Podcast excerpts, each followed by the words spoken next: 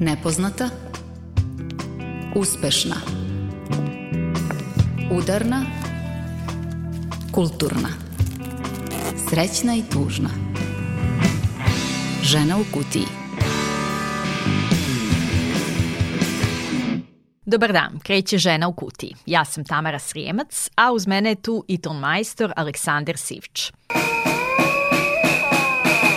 Ovakvim tonovima i zvukovima započeli smo emisiju pre mesec dana. Žene koje protestuju ispred redakcije Informera zbog intervjua koji je taj list objavio sa višestrukim silovateljem i dalje su na ulici. I dalje su besne, kako kažu. Članice kolektiva Ženska solidarnost organizovale su peti protest sa istim zahtevom da se sa digitalnih platformi i drugih medija ukloni intervju sa osuđivanim silovateljem.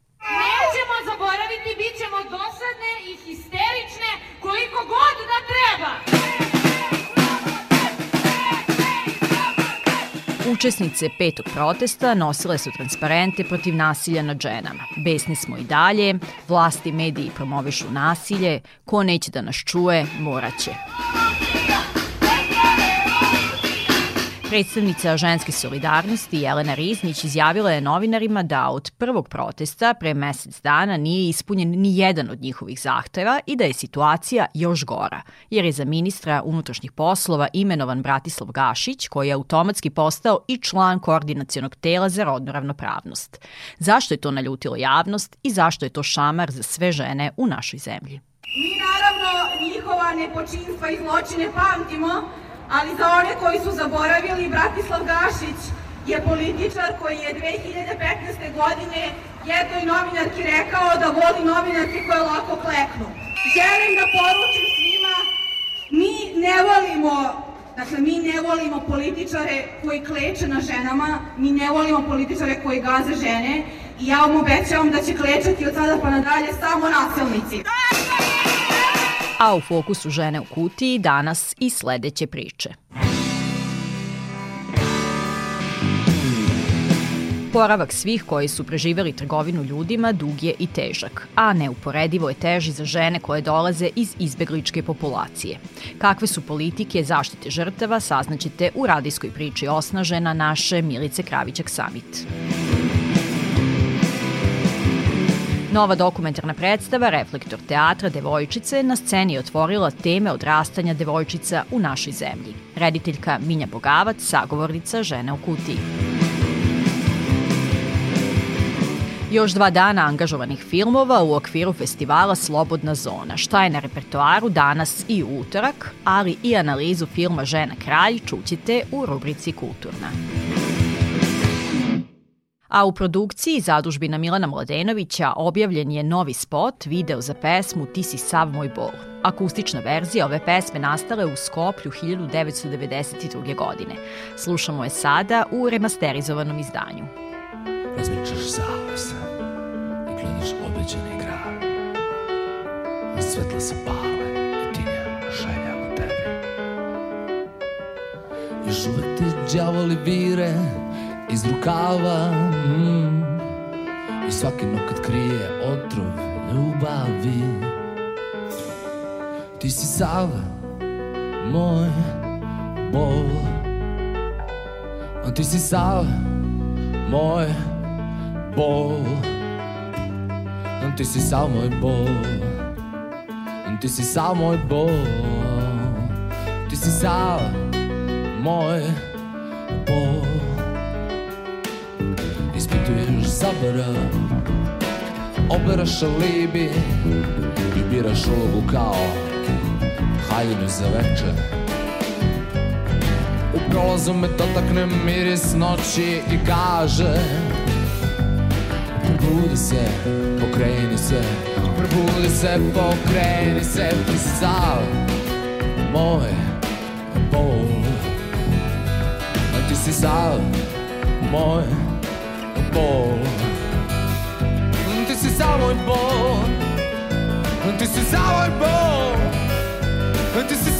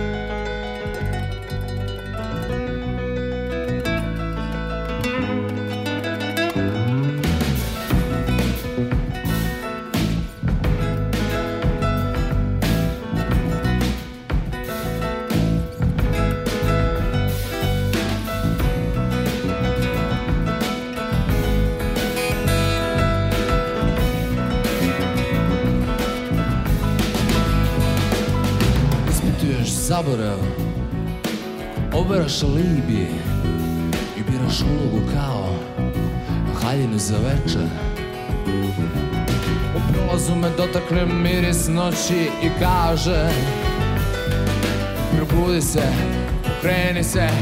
Probudi se, pokreni se Ti si sam Sam moj bol Ti si sam Sam moj bol Ti si sam moj bol Ti si sam moj bol Ti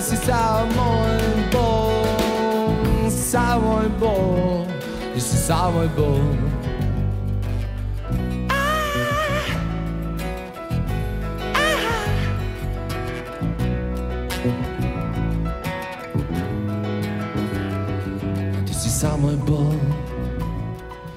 samo je bol Ti si samo moj bol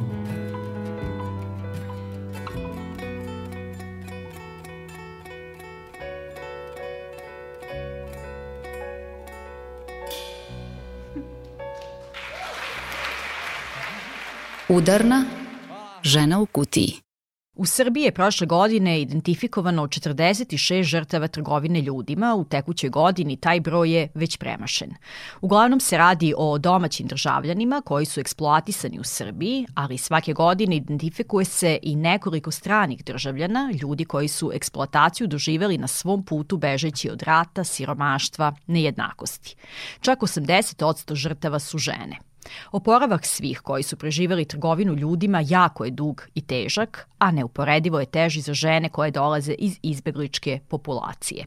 Kakve su politike zaštite žrtava i pomoći, šta o tome misli jedna od preživelih, skrivenog identiteta, ali jasnog stava, saznaćete u radijskoj priči Osnažena, autorke Milice Kravićak Samit. Simbolično ime glavne akterke u ovoj priči je Kelorina Skarabej, što predstavlja kombinaciju imena dve vrste buba čestih u istočnoj Africi, odakle devojka koja je preživela trgovinu ljudima i potiče.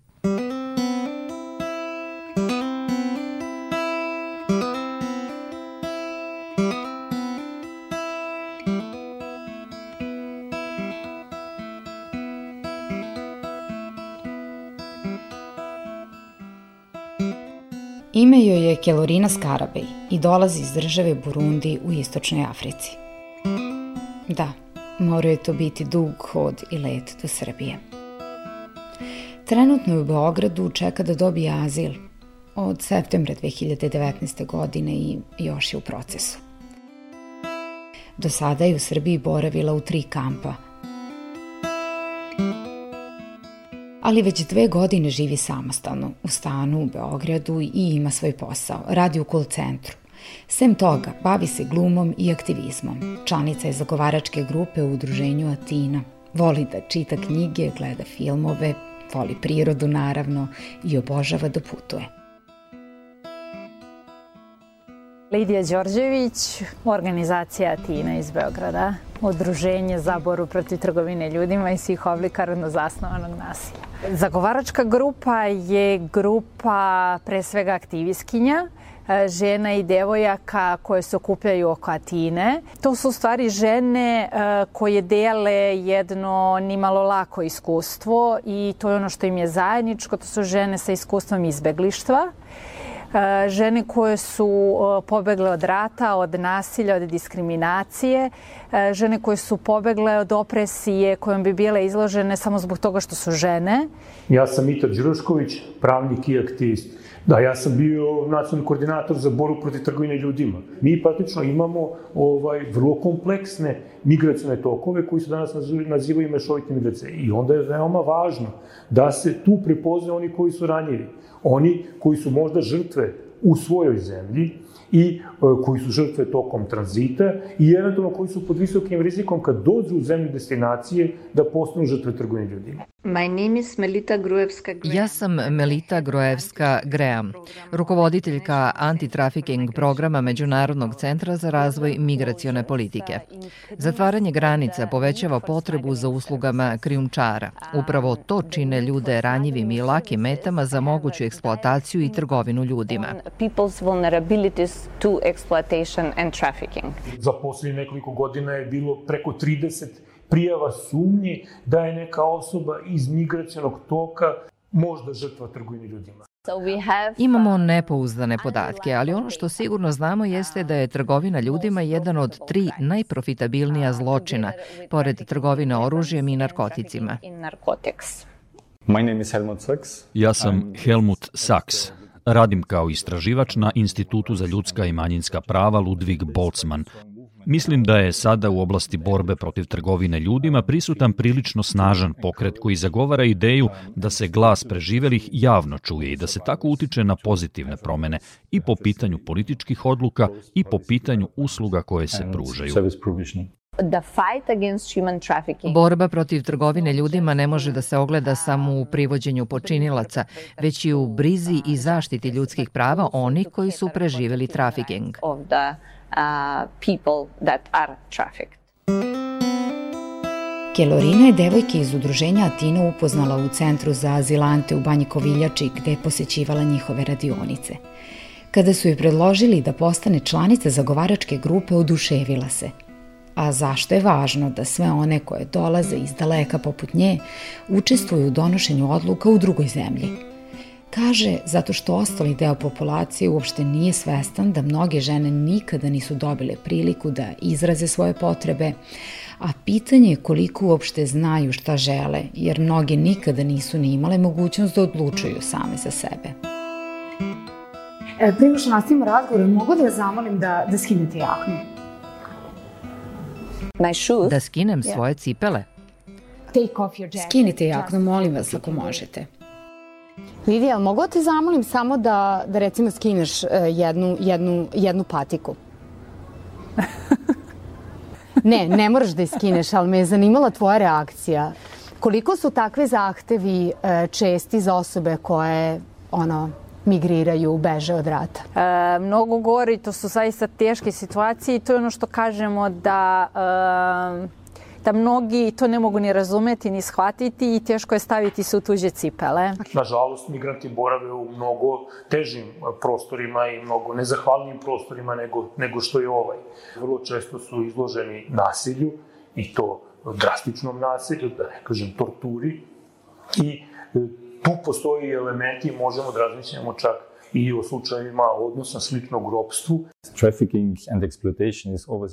Kada govorimo o trafikingu i eksploataciji, tu se uvek radi o zloupotrebi moći i uvek je u pitanju situacija gde je neko na jačoj poziciji moći, da li zbog toga što je muškarac ili ima više godina ili slično. Sve su to razlozi koji trafikovanu osobu čine nesigurnom. Da, bila sam iznenađena zbog tog pitanja da skinem cipelu. Prva reakcija je bila da to i uradim. Ali onda kada sam razmislila o tome koji sekund, shvatila sam da neću da se izujem. Istina je da su trafikovane osobe dovedene u takvu situaciju da moraju da donesu brze odluke i u mnogim slučajevima to su veoma teške odluke koje ljudi moraju da donesu u vrlo ograničenom vremenu. Pogotovo ako su ostavljeni bez pouzdanih opcija za preživljavanje left with any viable options for survivor. Ako pola planete živi sa manje od 5 dolara dnevno, ako skoro milijardu ljudi živi sa manje od 2,5 dolara dnevno, ako 700 miliona ljudi ide gladno da spava, pa to su sve rizične osobe koje će, nažalost, da bi preživjelo, da bi prehranili svoju porodicu, prihvatiti rizične ponude. Mnogo izbeglica, migranata, tražiteljki azila i oni koji su iskusili nasilje imaju nadu da ih daleko od kuće, daleko od ratova i kulturološkog ropstva čeka prilika da dignu svoj glas, da će neko da ih čuje i da će razmotriti ozbiljno to što imaju da kažu. Učešće u donošenju odluka znači da prilagođavamo programe da budu u skladu sa našim potrebama i da će nadležne institucije uvažiti činjenicu da mi nismo samo oni koji dolaze od nekud, migriraju i beže, već da mi svi imamo ličnosti, lične karakteristike, potencijale, korene, smatra Skarabej. Ja sam Mitar Đurošković, pravnik i aktivist. Bez obzira što ovaj, mi mislimo ovde u Srbiji, sa strane ljudi, to znam da i međunarodne organizacije, svi koji su dolazili, pohvalili su državu Srbiju, ali ne samo državu, institucije, nego i međunarodne organizacije, organizacije civilnog društva, pa i građane, da su vrlo humano postupali prema migrantima. Ono što znam, evo pre neki dan, migranti organizovanje turnir u kriketu Ali organizuju se i antimigrantske grupe, mislim, građani to prave, pun je Facebook toga, dakle, postoji i ta druga strana, kako e, pa, na to reagujemo? Taj, ovaj, mislim da je to loše.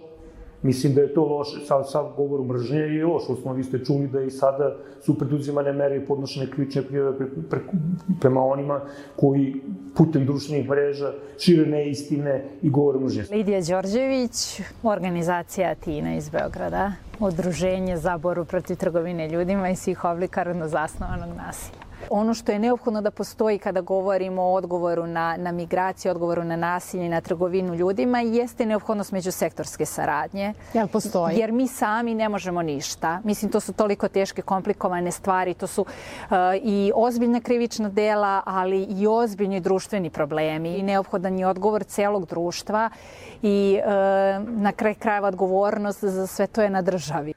My name is Helmut Sachs. Ja sam Helmut Sachs, radim kao istraživač na Institutu za ljudska i manjinska prava Ludwig Boltzmann. Najveći izazov kod fenomena trgovine ljudima je kako izaći iz tog lanca zavisnosti od drugoga. Trafikeri će svu snagu da usmere na to kako bi sprečili odlazak i traženje pomoći od nekog sa strane. Lakše je uvek reći nego uraditi. Nađi pomoć, prijavi policiji. Naravno, trgovina ljudima je zločin, ali zločin koji se zasniva na eksploataciji čoveka. To znači da je i onaj koji je eksploatisan nekad uključen u nelegalne aktivnosti. Najveći problem je to uh, institucionalno nasilje, institucionalna diskriminacija koja kao svoj rezultat ima uh, nepoverenje prema institucijama upravo strane žena koje bi e, trebale da se obrate i da zatraže pomoć od tih istih institucija i tih profesionalaca. My name is Melita Gruevska Graham. Ja sam Melita Gruevska Graham, rukovoditeljka antitrafiking programa Međunarodnog centra za razvoj migracione politike. Nije svaka trgovina ljudima učinjena bez prvobitnog pristanka, ali je trgovina ljudima uvek izvršena bez validnog pristanka on ili ona u svakom trenutku moraju biti u mogućnosti da opozovu taj pristanak. Ukoliko nisu u mogućnosti da opozovu pristanak koji je inicijalno dat, tu je već reč o prinudi na rad.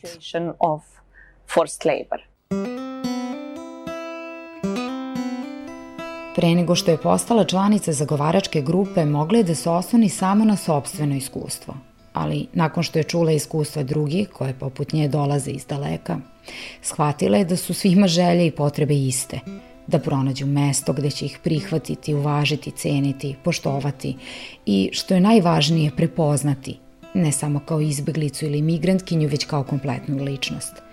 Učešće u zagovaračkoj grupi upravo zbog tog osjećaja zajedništva i razgovora za nju je postalo jako važno.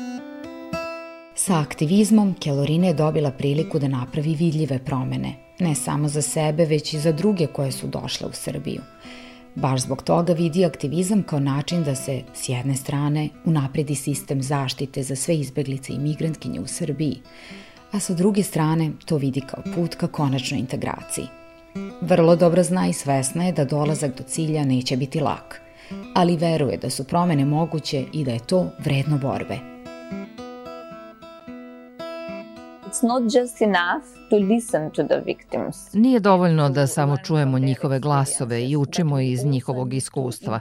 Mi moramo preživele da imamo kao deo odgovora na problem. Na evropskom nivou, nažalost, ne postoji koordinisana akcija da se uključe glasovi preživelih. Morali bi biti ravnopravno uključeni u osmišljavanje antitrafiking politika i mehanizama borbe, čak i kao direktni pomagači u pružanju pomoći i pružanju zaštite drugim žrtvama trafikinga.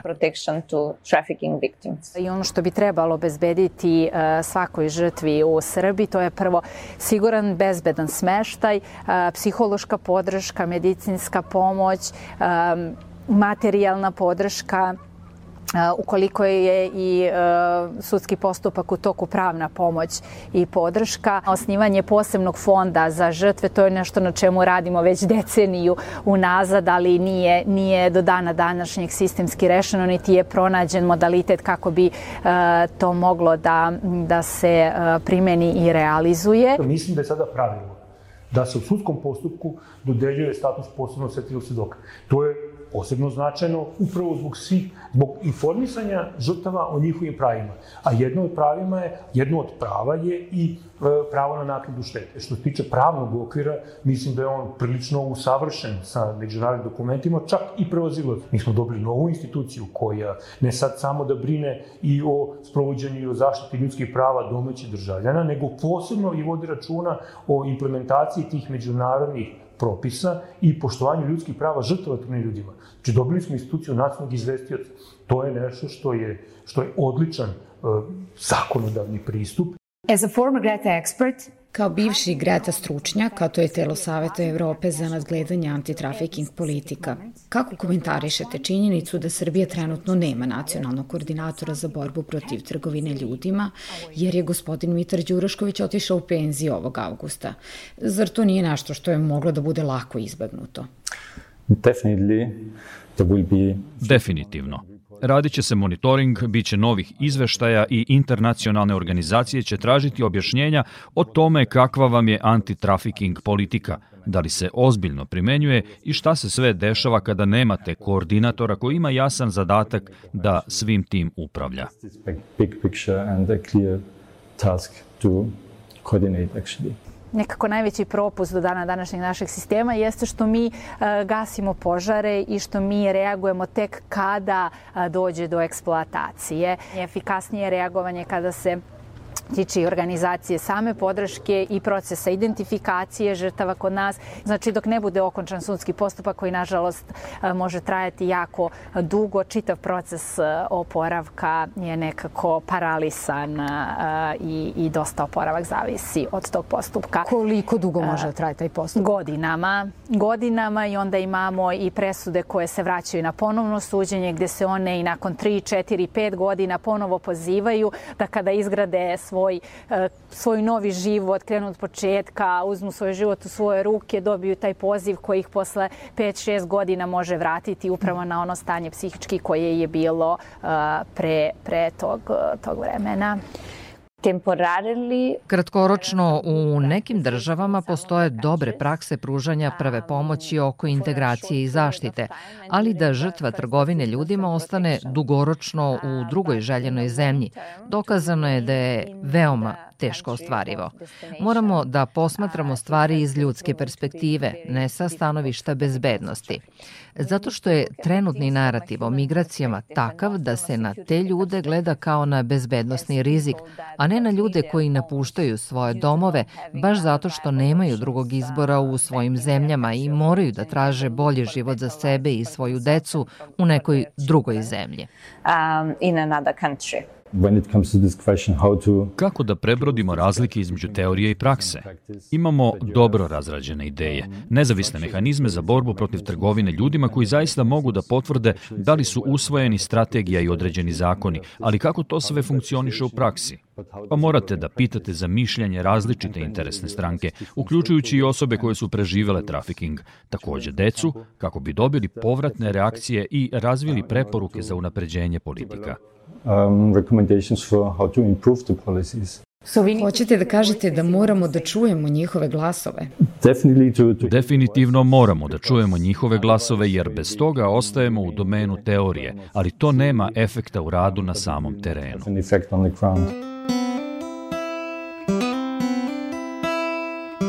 Na osnovu svog i iskustva iz zagovaračke grupe, Kelorina Skarabe došla je do nekoliko važnih zaključaka. Prvo, Svi moraju da imaju ostvareno pravo na tačne informacije o procesu dobijanja azila, a to se odnosi na obrazovanje, posao, medicinsku pomoć i sl. I ona sama je bila u zabludi. Drugo, proces je predug i to mora sistemski da se promeni, što je posebno problem za one žene koje počinju život iz početka u Srbiji. Neophodan im je posao, nezavisan život Prava integracija u društvo je izvan kampa, ne u njemu, a dobijanje posla je prvi korak ka samostalnom životu. Treće, čekanje konačne odluke o dobijanju azila. Kelorina Skarabe je upoznala ženu koja je došla iz Afganistana i koja je posle četiri godine dobila odgovor. Zahtev za azil odbijen. Ima dvoje dece, radila je, gradila život i čitav njen svet u trenutku je stao. Morala je da napusti zemlju u roku od 30 dana. To sve koji čekaju na azil ostavlja bez teksta. Dalje, Ženama je potrebna specifična pomoć kako bi mogle da se fokusiraju na lični razvoj, daleko od dnevne rutine. Život u kampu nije realan život. Dakle, sve one, poput nje same, Kelorina vidi u budućnosti kao donositeljke odluka i deo sistema. Zamišlja budućnost u kojoj žene govore i te glasove neko čuje. I glas izbeglih, oni koji su preživeli najrazličitije oblike nasilja, neko čuje, prepoznaje, poštuje. Sigurna je da snaga leži u svima nama i da moramo da podržimo jedni druge. Za kraj, ima pitanje za sve nas. Političari, aktivisti, naučnici, građani sveta, da li stvarno čujemo njihove glasove? Odbrojavam zadnje dane bez tebe, vrijeme kao slab curi kap po. Pošto sam upoznata najviše sa slučajem i sa devekom koja dolazi iz države Burundi, kako ona sad? Šta se sa njom dešava dalje dobro? Eto, prosto da, da pitam i to. Uh, ona je dobro, jako dobro. Sada svoj život u, u Srbiji uh, vidi kao rešenje za neki uh, duži period i zaista je zadovoljna i sreća, makar ono što od nje dobijem i što mogu videti. Ali još čeka naziv, ovaj, zar ne? Još čeka, još je u proceduri, još nije dobila krajnji odgovor, uči srpski i, i ovaj, dobro je. Zatvor za zrak čije je tuđe privatno tijelo dokad sjednim u krilo dodirnim u vrat privatni kod kome pripadaš kome pripadaš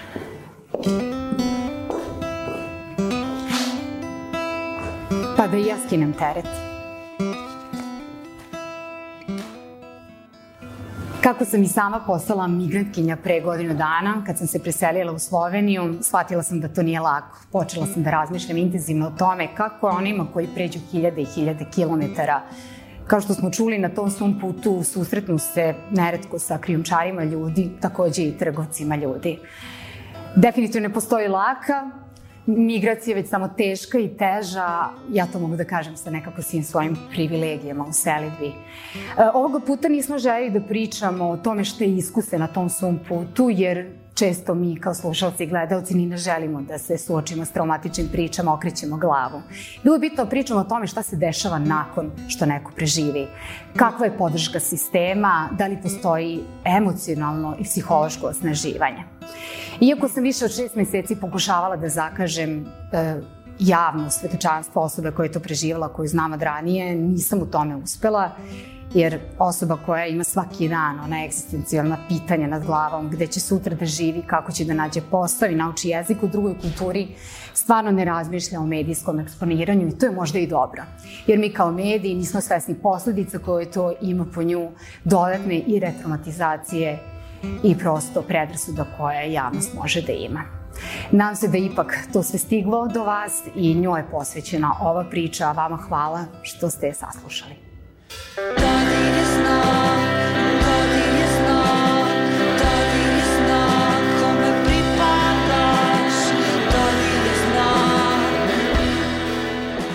Ova radijska priča, autorke Milice Kravićak Samit, nastala je u okviru projekta Prevencija i borba protiv trgovine ljudima koji se sprovodi uz finansijsku podršku Evropske unije i Saveta Evrope, a u okviru zajedničkog programa Evropske unije i Saveta Evrope Horizontal Facility za Zapadni Balkan i Tursku 2019. do 2022. godine.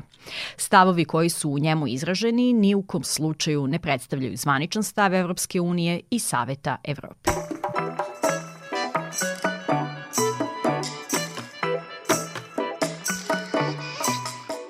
Neuki je novi muzički projekat na sceni, njihova muzika je privukla pažnju, ali i njihov skriveni identitet. Smatraju da bi muzika i poruke trebale biti važnije od toga ko stoji iza projekta. To nije klasična bendovska postavka, srađuju sa brojnim muzičarima, a u novoj pesmi Marselje ugostili su Darka Rundeka. Uživajmo u njihovom zajedničkom radu. Tout passe, notre été, mes hivers, et quand je prononce ton nom, je fais le monde s'arrêter. Pastiće noć, svanuće dan. Oseka postaće plima Zemlja će napravit krug oko sunca. Proći će godina Jer prolazi sve Naša ljeta i moje zime Al kad ti izgovorim ime Tad zaustavim svijet. Ja ću zauvijek ostati mlad. Tebi ću zauvijek ostati drag. Ja ću zauvijek ostati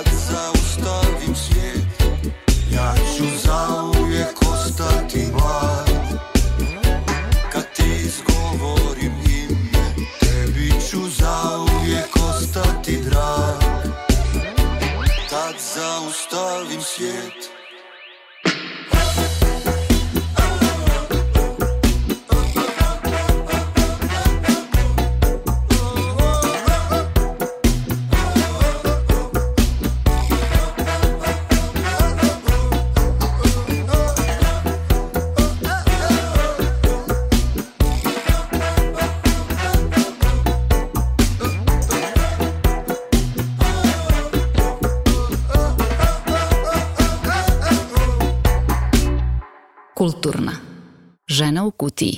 U nastavku Žene u kutiji sledi nekoliko preporuka kulturnih sadržaja koje možemo gledati u novembru. Za početak predstava Devojčice. Devojčice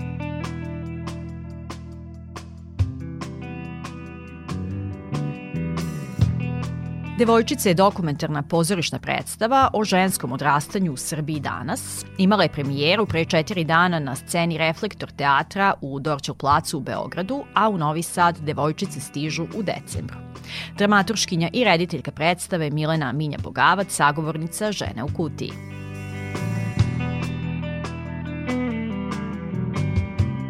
Minja radioničarski pristup, lične priče, dokumentarne predstave, to je već dugo praksa reflektor teatra i to je karakteristično za tvoj način rada.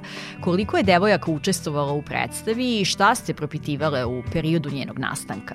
U predstavi Devojčica učestvovalo je 10 devojaka, radili smo kroz nekakav četvoromesečni proces gde smo neprekidno jedna drugima postavljale pitanje kakve smo bile kada smo bile devojčice, odnosno kada smo bile mali, šta su neki ključni trenuci koji su obeležili naše odrastanje.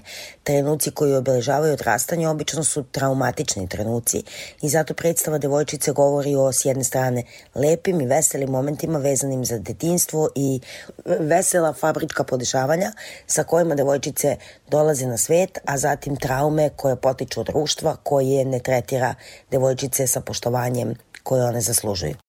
Predstava devojčice je inače deo šireg projekta Supergirls koji se bavi dekonstrukcijom rodnih stereotipa i to je projekat koji osnažuje devojčice, devojke i mlade žene kroz edukaciju i kulturnu produkciju. Koliko je kompleksan rad? Predstava devojčice nije neko ostrovo koje stoji samo za sebe, već je deo uh, čitavog, da kažem, sistema na kome radimo već nekoliko meseci, zapravo razgovaramo, imamo radionice i bavimo se edukacijom mladih žena iz pet gradova Srbije. Sigurna sam da su nekako i njihove priče sa treninga i, da kažem, metod koji smo razvijali za potrebe ovih treninga takođe uticali na to kako smo radili na samoj predstavi devojčice. I ova predstava je, za razliku od recimo muškarčina koje smo radili 10 godina ranije, je mnogo više iz ja. Da, spomenula si muškarčine, hajde da još uporedimo te dve predstave. E, zašto je važno uopšte povući tu paralelu i koje su sličnosti i razlike i u načinu nastanka predstave, ali i u onome što vidimo na sceni?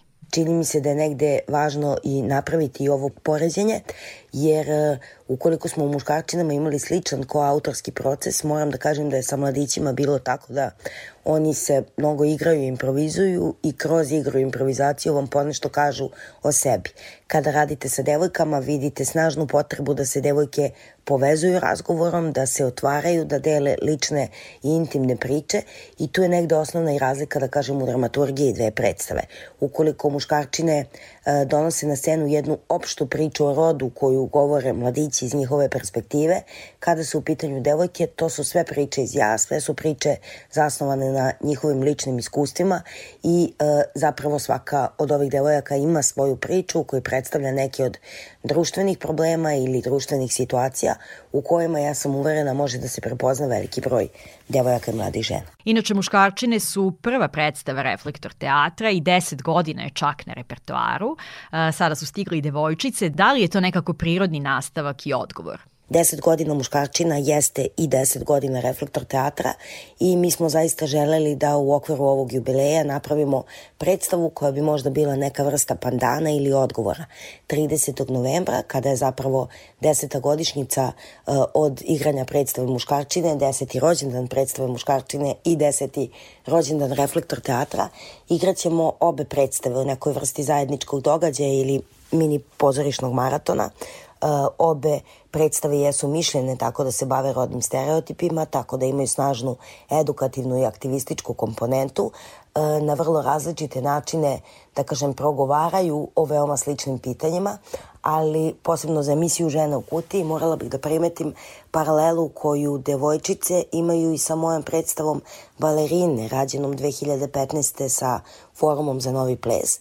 Čini mi se da negde vrlo slično kao u balerinama u ovom jednom ženskom kolektivnom koautorskom radu na nekakvom zajedničkom tekstu formiranom kroz lična iskustva, možemo da povučemo i tu paralelu s tim što su se balerine bavile pitanjem rada, nematerijalnog rada, rada u kulturi i slično, dok se devojčice bave najrazličitijim društvenim pitanjima i tu je možda važno i interesantno pomenuti da je raspon godina učesnica čak 9 godina, one imaju od 19 do 26 godina u komadu i e, e, dolazi iz vrlo različitih, da kažem, obrazovnih sfera ili sfera društva i slično. Tokom rada na devojčicama došla ste do zaključka da je u svakoj sledećoj generaciji religija sve važniji faktor.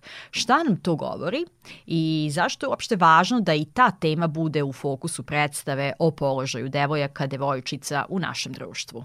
Religija je očigledno sve važniji faktor u našem društvu. Svake godine, samim tim to se odnosi i na devojčice i na položaj žena. U predstavi devojčice postoji jedna rečenica koja glasi sve religije su iste, nikada neće dozvoliti ženama i devojčicama da žive slobodno, a čini mi se nekako da u odnosu na e, moju generaciju ili generaciji stručnih saradnica sa kojima smo mnogo pričali o ovoj temi, e, generacija devojaka koje odrastaju danas zaista posmatra religiju kao nekakav važniji faktor o koji takođe nešto odlučuje i koji ulazi u različita pitanja koja se tiču žena, jeli njihovog odnosa prema njihovim telima, prema menstruaciji, pravu na abortus, e, e, e, tom večnom pitanju pro-life, pro-choice, večitom sukobu i tako dalje. I čini se da je to posebno važno i u ovom trenutku kada zaista svedočimo tome da crkva menja učbenike biologije. Dakle, više nikakva naučna činjenica ne može da se uspostavi, eto, ni u školskom sistemu, a da ona nije podložna podložna interpretaciji crkve. U tom smislu negde smo dužni da i mi interpretiramo crkvu, da se o toj temi koja je toliko važna devojkama negde izrazimo i u predstavi. A koji je tvoj utisak u radu sa mladim devojkama generalno? Da li su mlađe generacije spremnije da se obračunaju sa nekim anomalijama u društvu poput rodno zasnovanog nasilja? Svakako je da se nekakav feministički rad i feministička borba prethodnih godina vidi. Vidimo i na ulicama, vidimo devojke nove generacije koje su, da kažemo, osvojile prave reči za neke vrste seksualnog nasilja, za neke vrste rodno zasnovanog nasilja koje je u starijim generacijama i dalje normalizovano, iako smo ga možda osjećali kao nekakvu nevidljivu nepravdu, nismo mogli da ga imenujemo, pa samim tim ni da glasno ustanemo protiv njega. Ono što je tu ohrabrujuće jeste taj moment da ja zaista verujem u, u, u, u mlađu generaciju, ali ono što je obeshrabrujuće jeste i da je svet i da je društvo u kome živimo mnogo kompleksnije nego pre samo 20 godina. Nisam te pitala za utiske sa premijere, da li su se slegli? Utisci sa premijere se zapravo i dalje nisu slegli. Ono što mogu da kažem je da mislim da su devojke oduševile svojom spremnošću, sigurnošću i, i, i entuzijazmom s kojim su ovladale scenskim prostorom i, i prikazale tu predstavu. E, na sceni Reflektor teatra u Dorću placu ja se ne sjećam kada je bila baš toliko velika gužva. E, zaista smo imali veće tribine i više stolica nego na uobičajenim našim predstavama, a i dalje nije bilo dovoljno mesta da E, se svi ljudi prime i da svi ljudi pogledaju predstavu koja je predstava zanimala. Zato se nadam da će i na repriznim izvođenjima interesovanje biti isto toliko veliko i nadam se da ovo nije samo interesovanje za našu predstavu.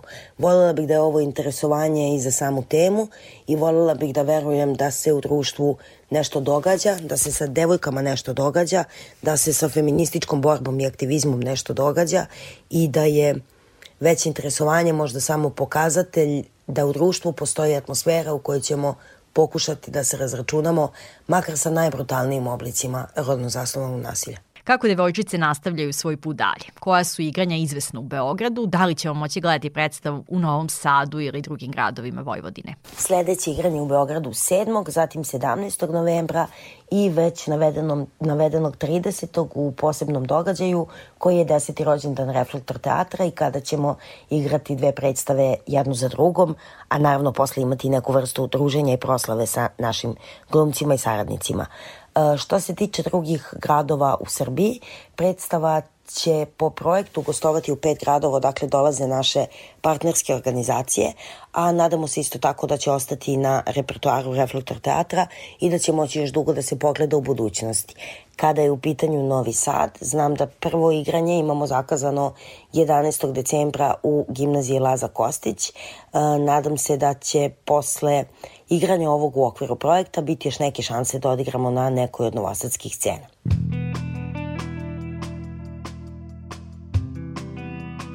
Čekamo vas na Novosadskoj sceni, dakle prvo igranje u Novom Sadu 11. decembra, gimnazija Laza Kostić. Vidimo se tamo, hvala na razgovoru.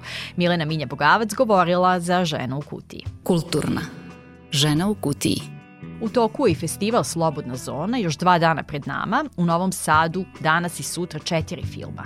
Koji filmovi su u završnici festivala za ženu u kutiji, govori Jelena Galetin-Žakić, PR-ka festivala. Uh, film Rekla je, odnosno veoma važan film o nastanku Me Too pokreta uh, koji, i novinarkama koje su tome doprinele. Uh, E, zatim Vreme Armagedona sa zvezdanom ekipom, Anthony Hopkins i Anne Hathaway u glavnim ulogama, tu je i poslednjeg dana Rabije Kurnaz protiv Georgia V. Busha i Rajza Karaoke, a, odličan dokumentarni film koji onako od srca preporučujem. Slobodna zona je posjećena ove godine, ali je i dalje interesovanje za društveno angažovani film manji nego za mainstream filmove. Mi živimo u jednom mainstream vremenu, ako tako mogu da kažem. E, gledaju se veliki hit filmovi, blockbusteri i to je normalno. Međutim, ono u čemu ja vidim problem je što društveno angažovane filmove uvek gledaju isti ljudi. Oni koji su već vrlo društveno angažovani, društveno odgovorni, koji žele da šire svest o tome, ali se taj krug ne širi previše.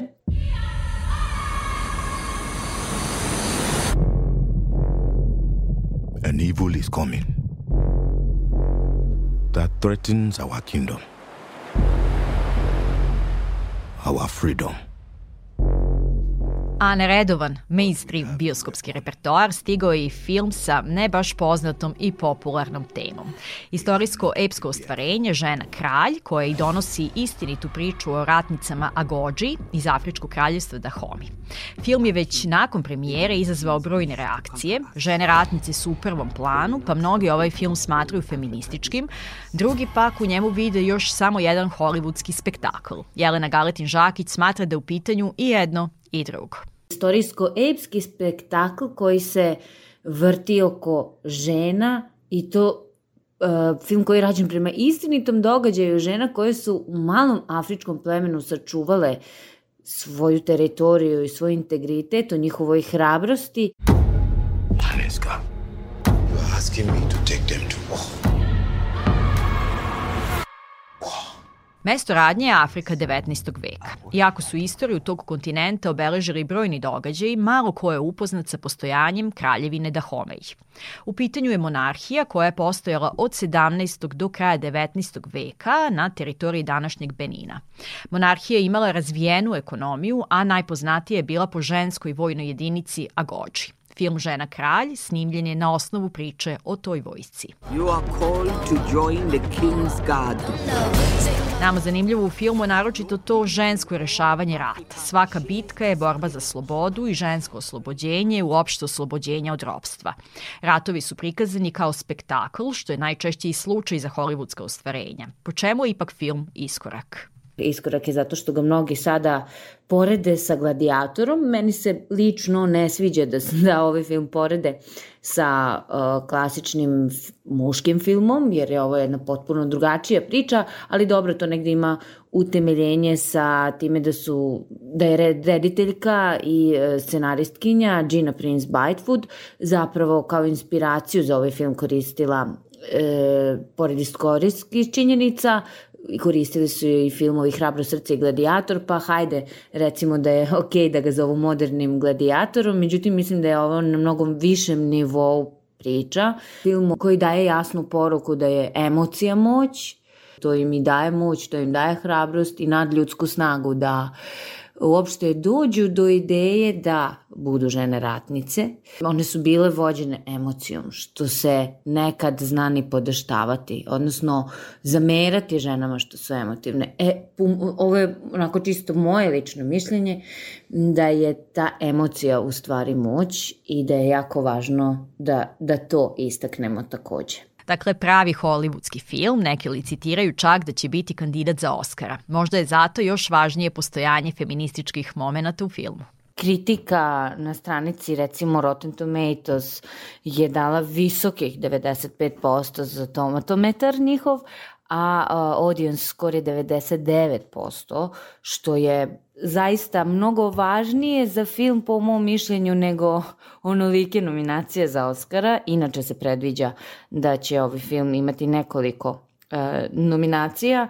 E, imamo ovde ono na, na što treba da stavimo akcenat jeste uh, fenomenalna Gina Prince Bytewood uh, i istaknuta glumačka ekipa Mi ovde imamo više struko nagrađivanu Viola Davis u glavnoj ulozi, koja se takođe verovatno smeši nominacija za Oscar, eto najverovatnije, ali tu su i Tusom Bedu, Lashana Lynch, Sheila Atim, devojke koje su onako uspele da prikažu jačinu ovih žena na velikom platnu I sad sve ovo i sve ove divne i uspešne žene, glumice, scenaristkinje, rediteljke, jesu važne i jesu podstrek drugim ženama. Do pre svega nekoliko godina mi nismo mogli da vidimo ženskog autora, autorku zapravo, da se popne na neki pijedastal i da se pohvali nekom velikom značajnom nagradom.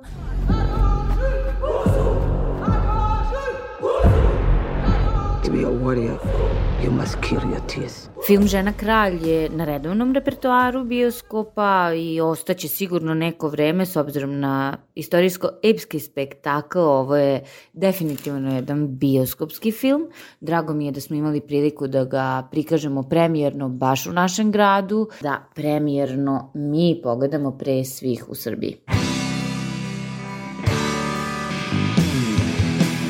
Svratite na Slobodnu zonu, pogledajte predstavu Devojčice i naravno slušajte Ženu u kutiji svakog drugog ponedeljka, odmah posle vesti u 16 časova ili na odloženom na sajtu Radio Televizije Vojvodine. Do narednog slušanja pozdravljaju vas ton majstor Aleksandar Sivč, autorka priče Osnažena Milica Kravićak Samit i ja, Tamara Srijemac. Hvala vam na slušanju, doviđenja.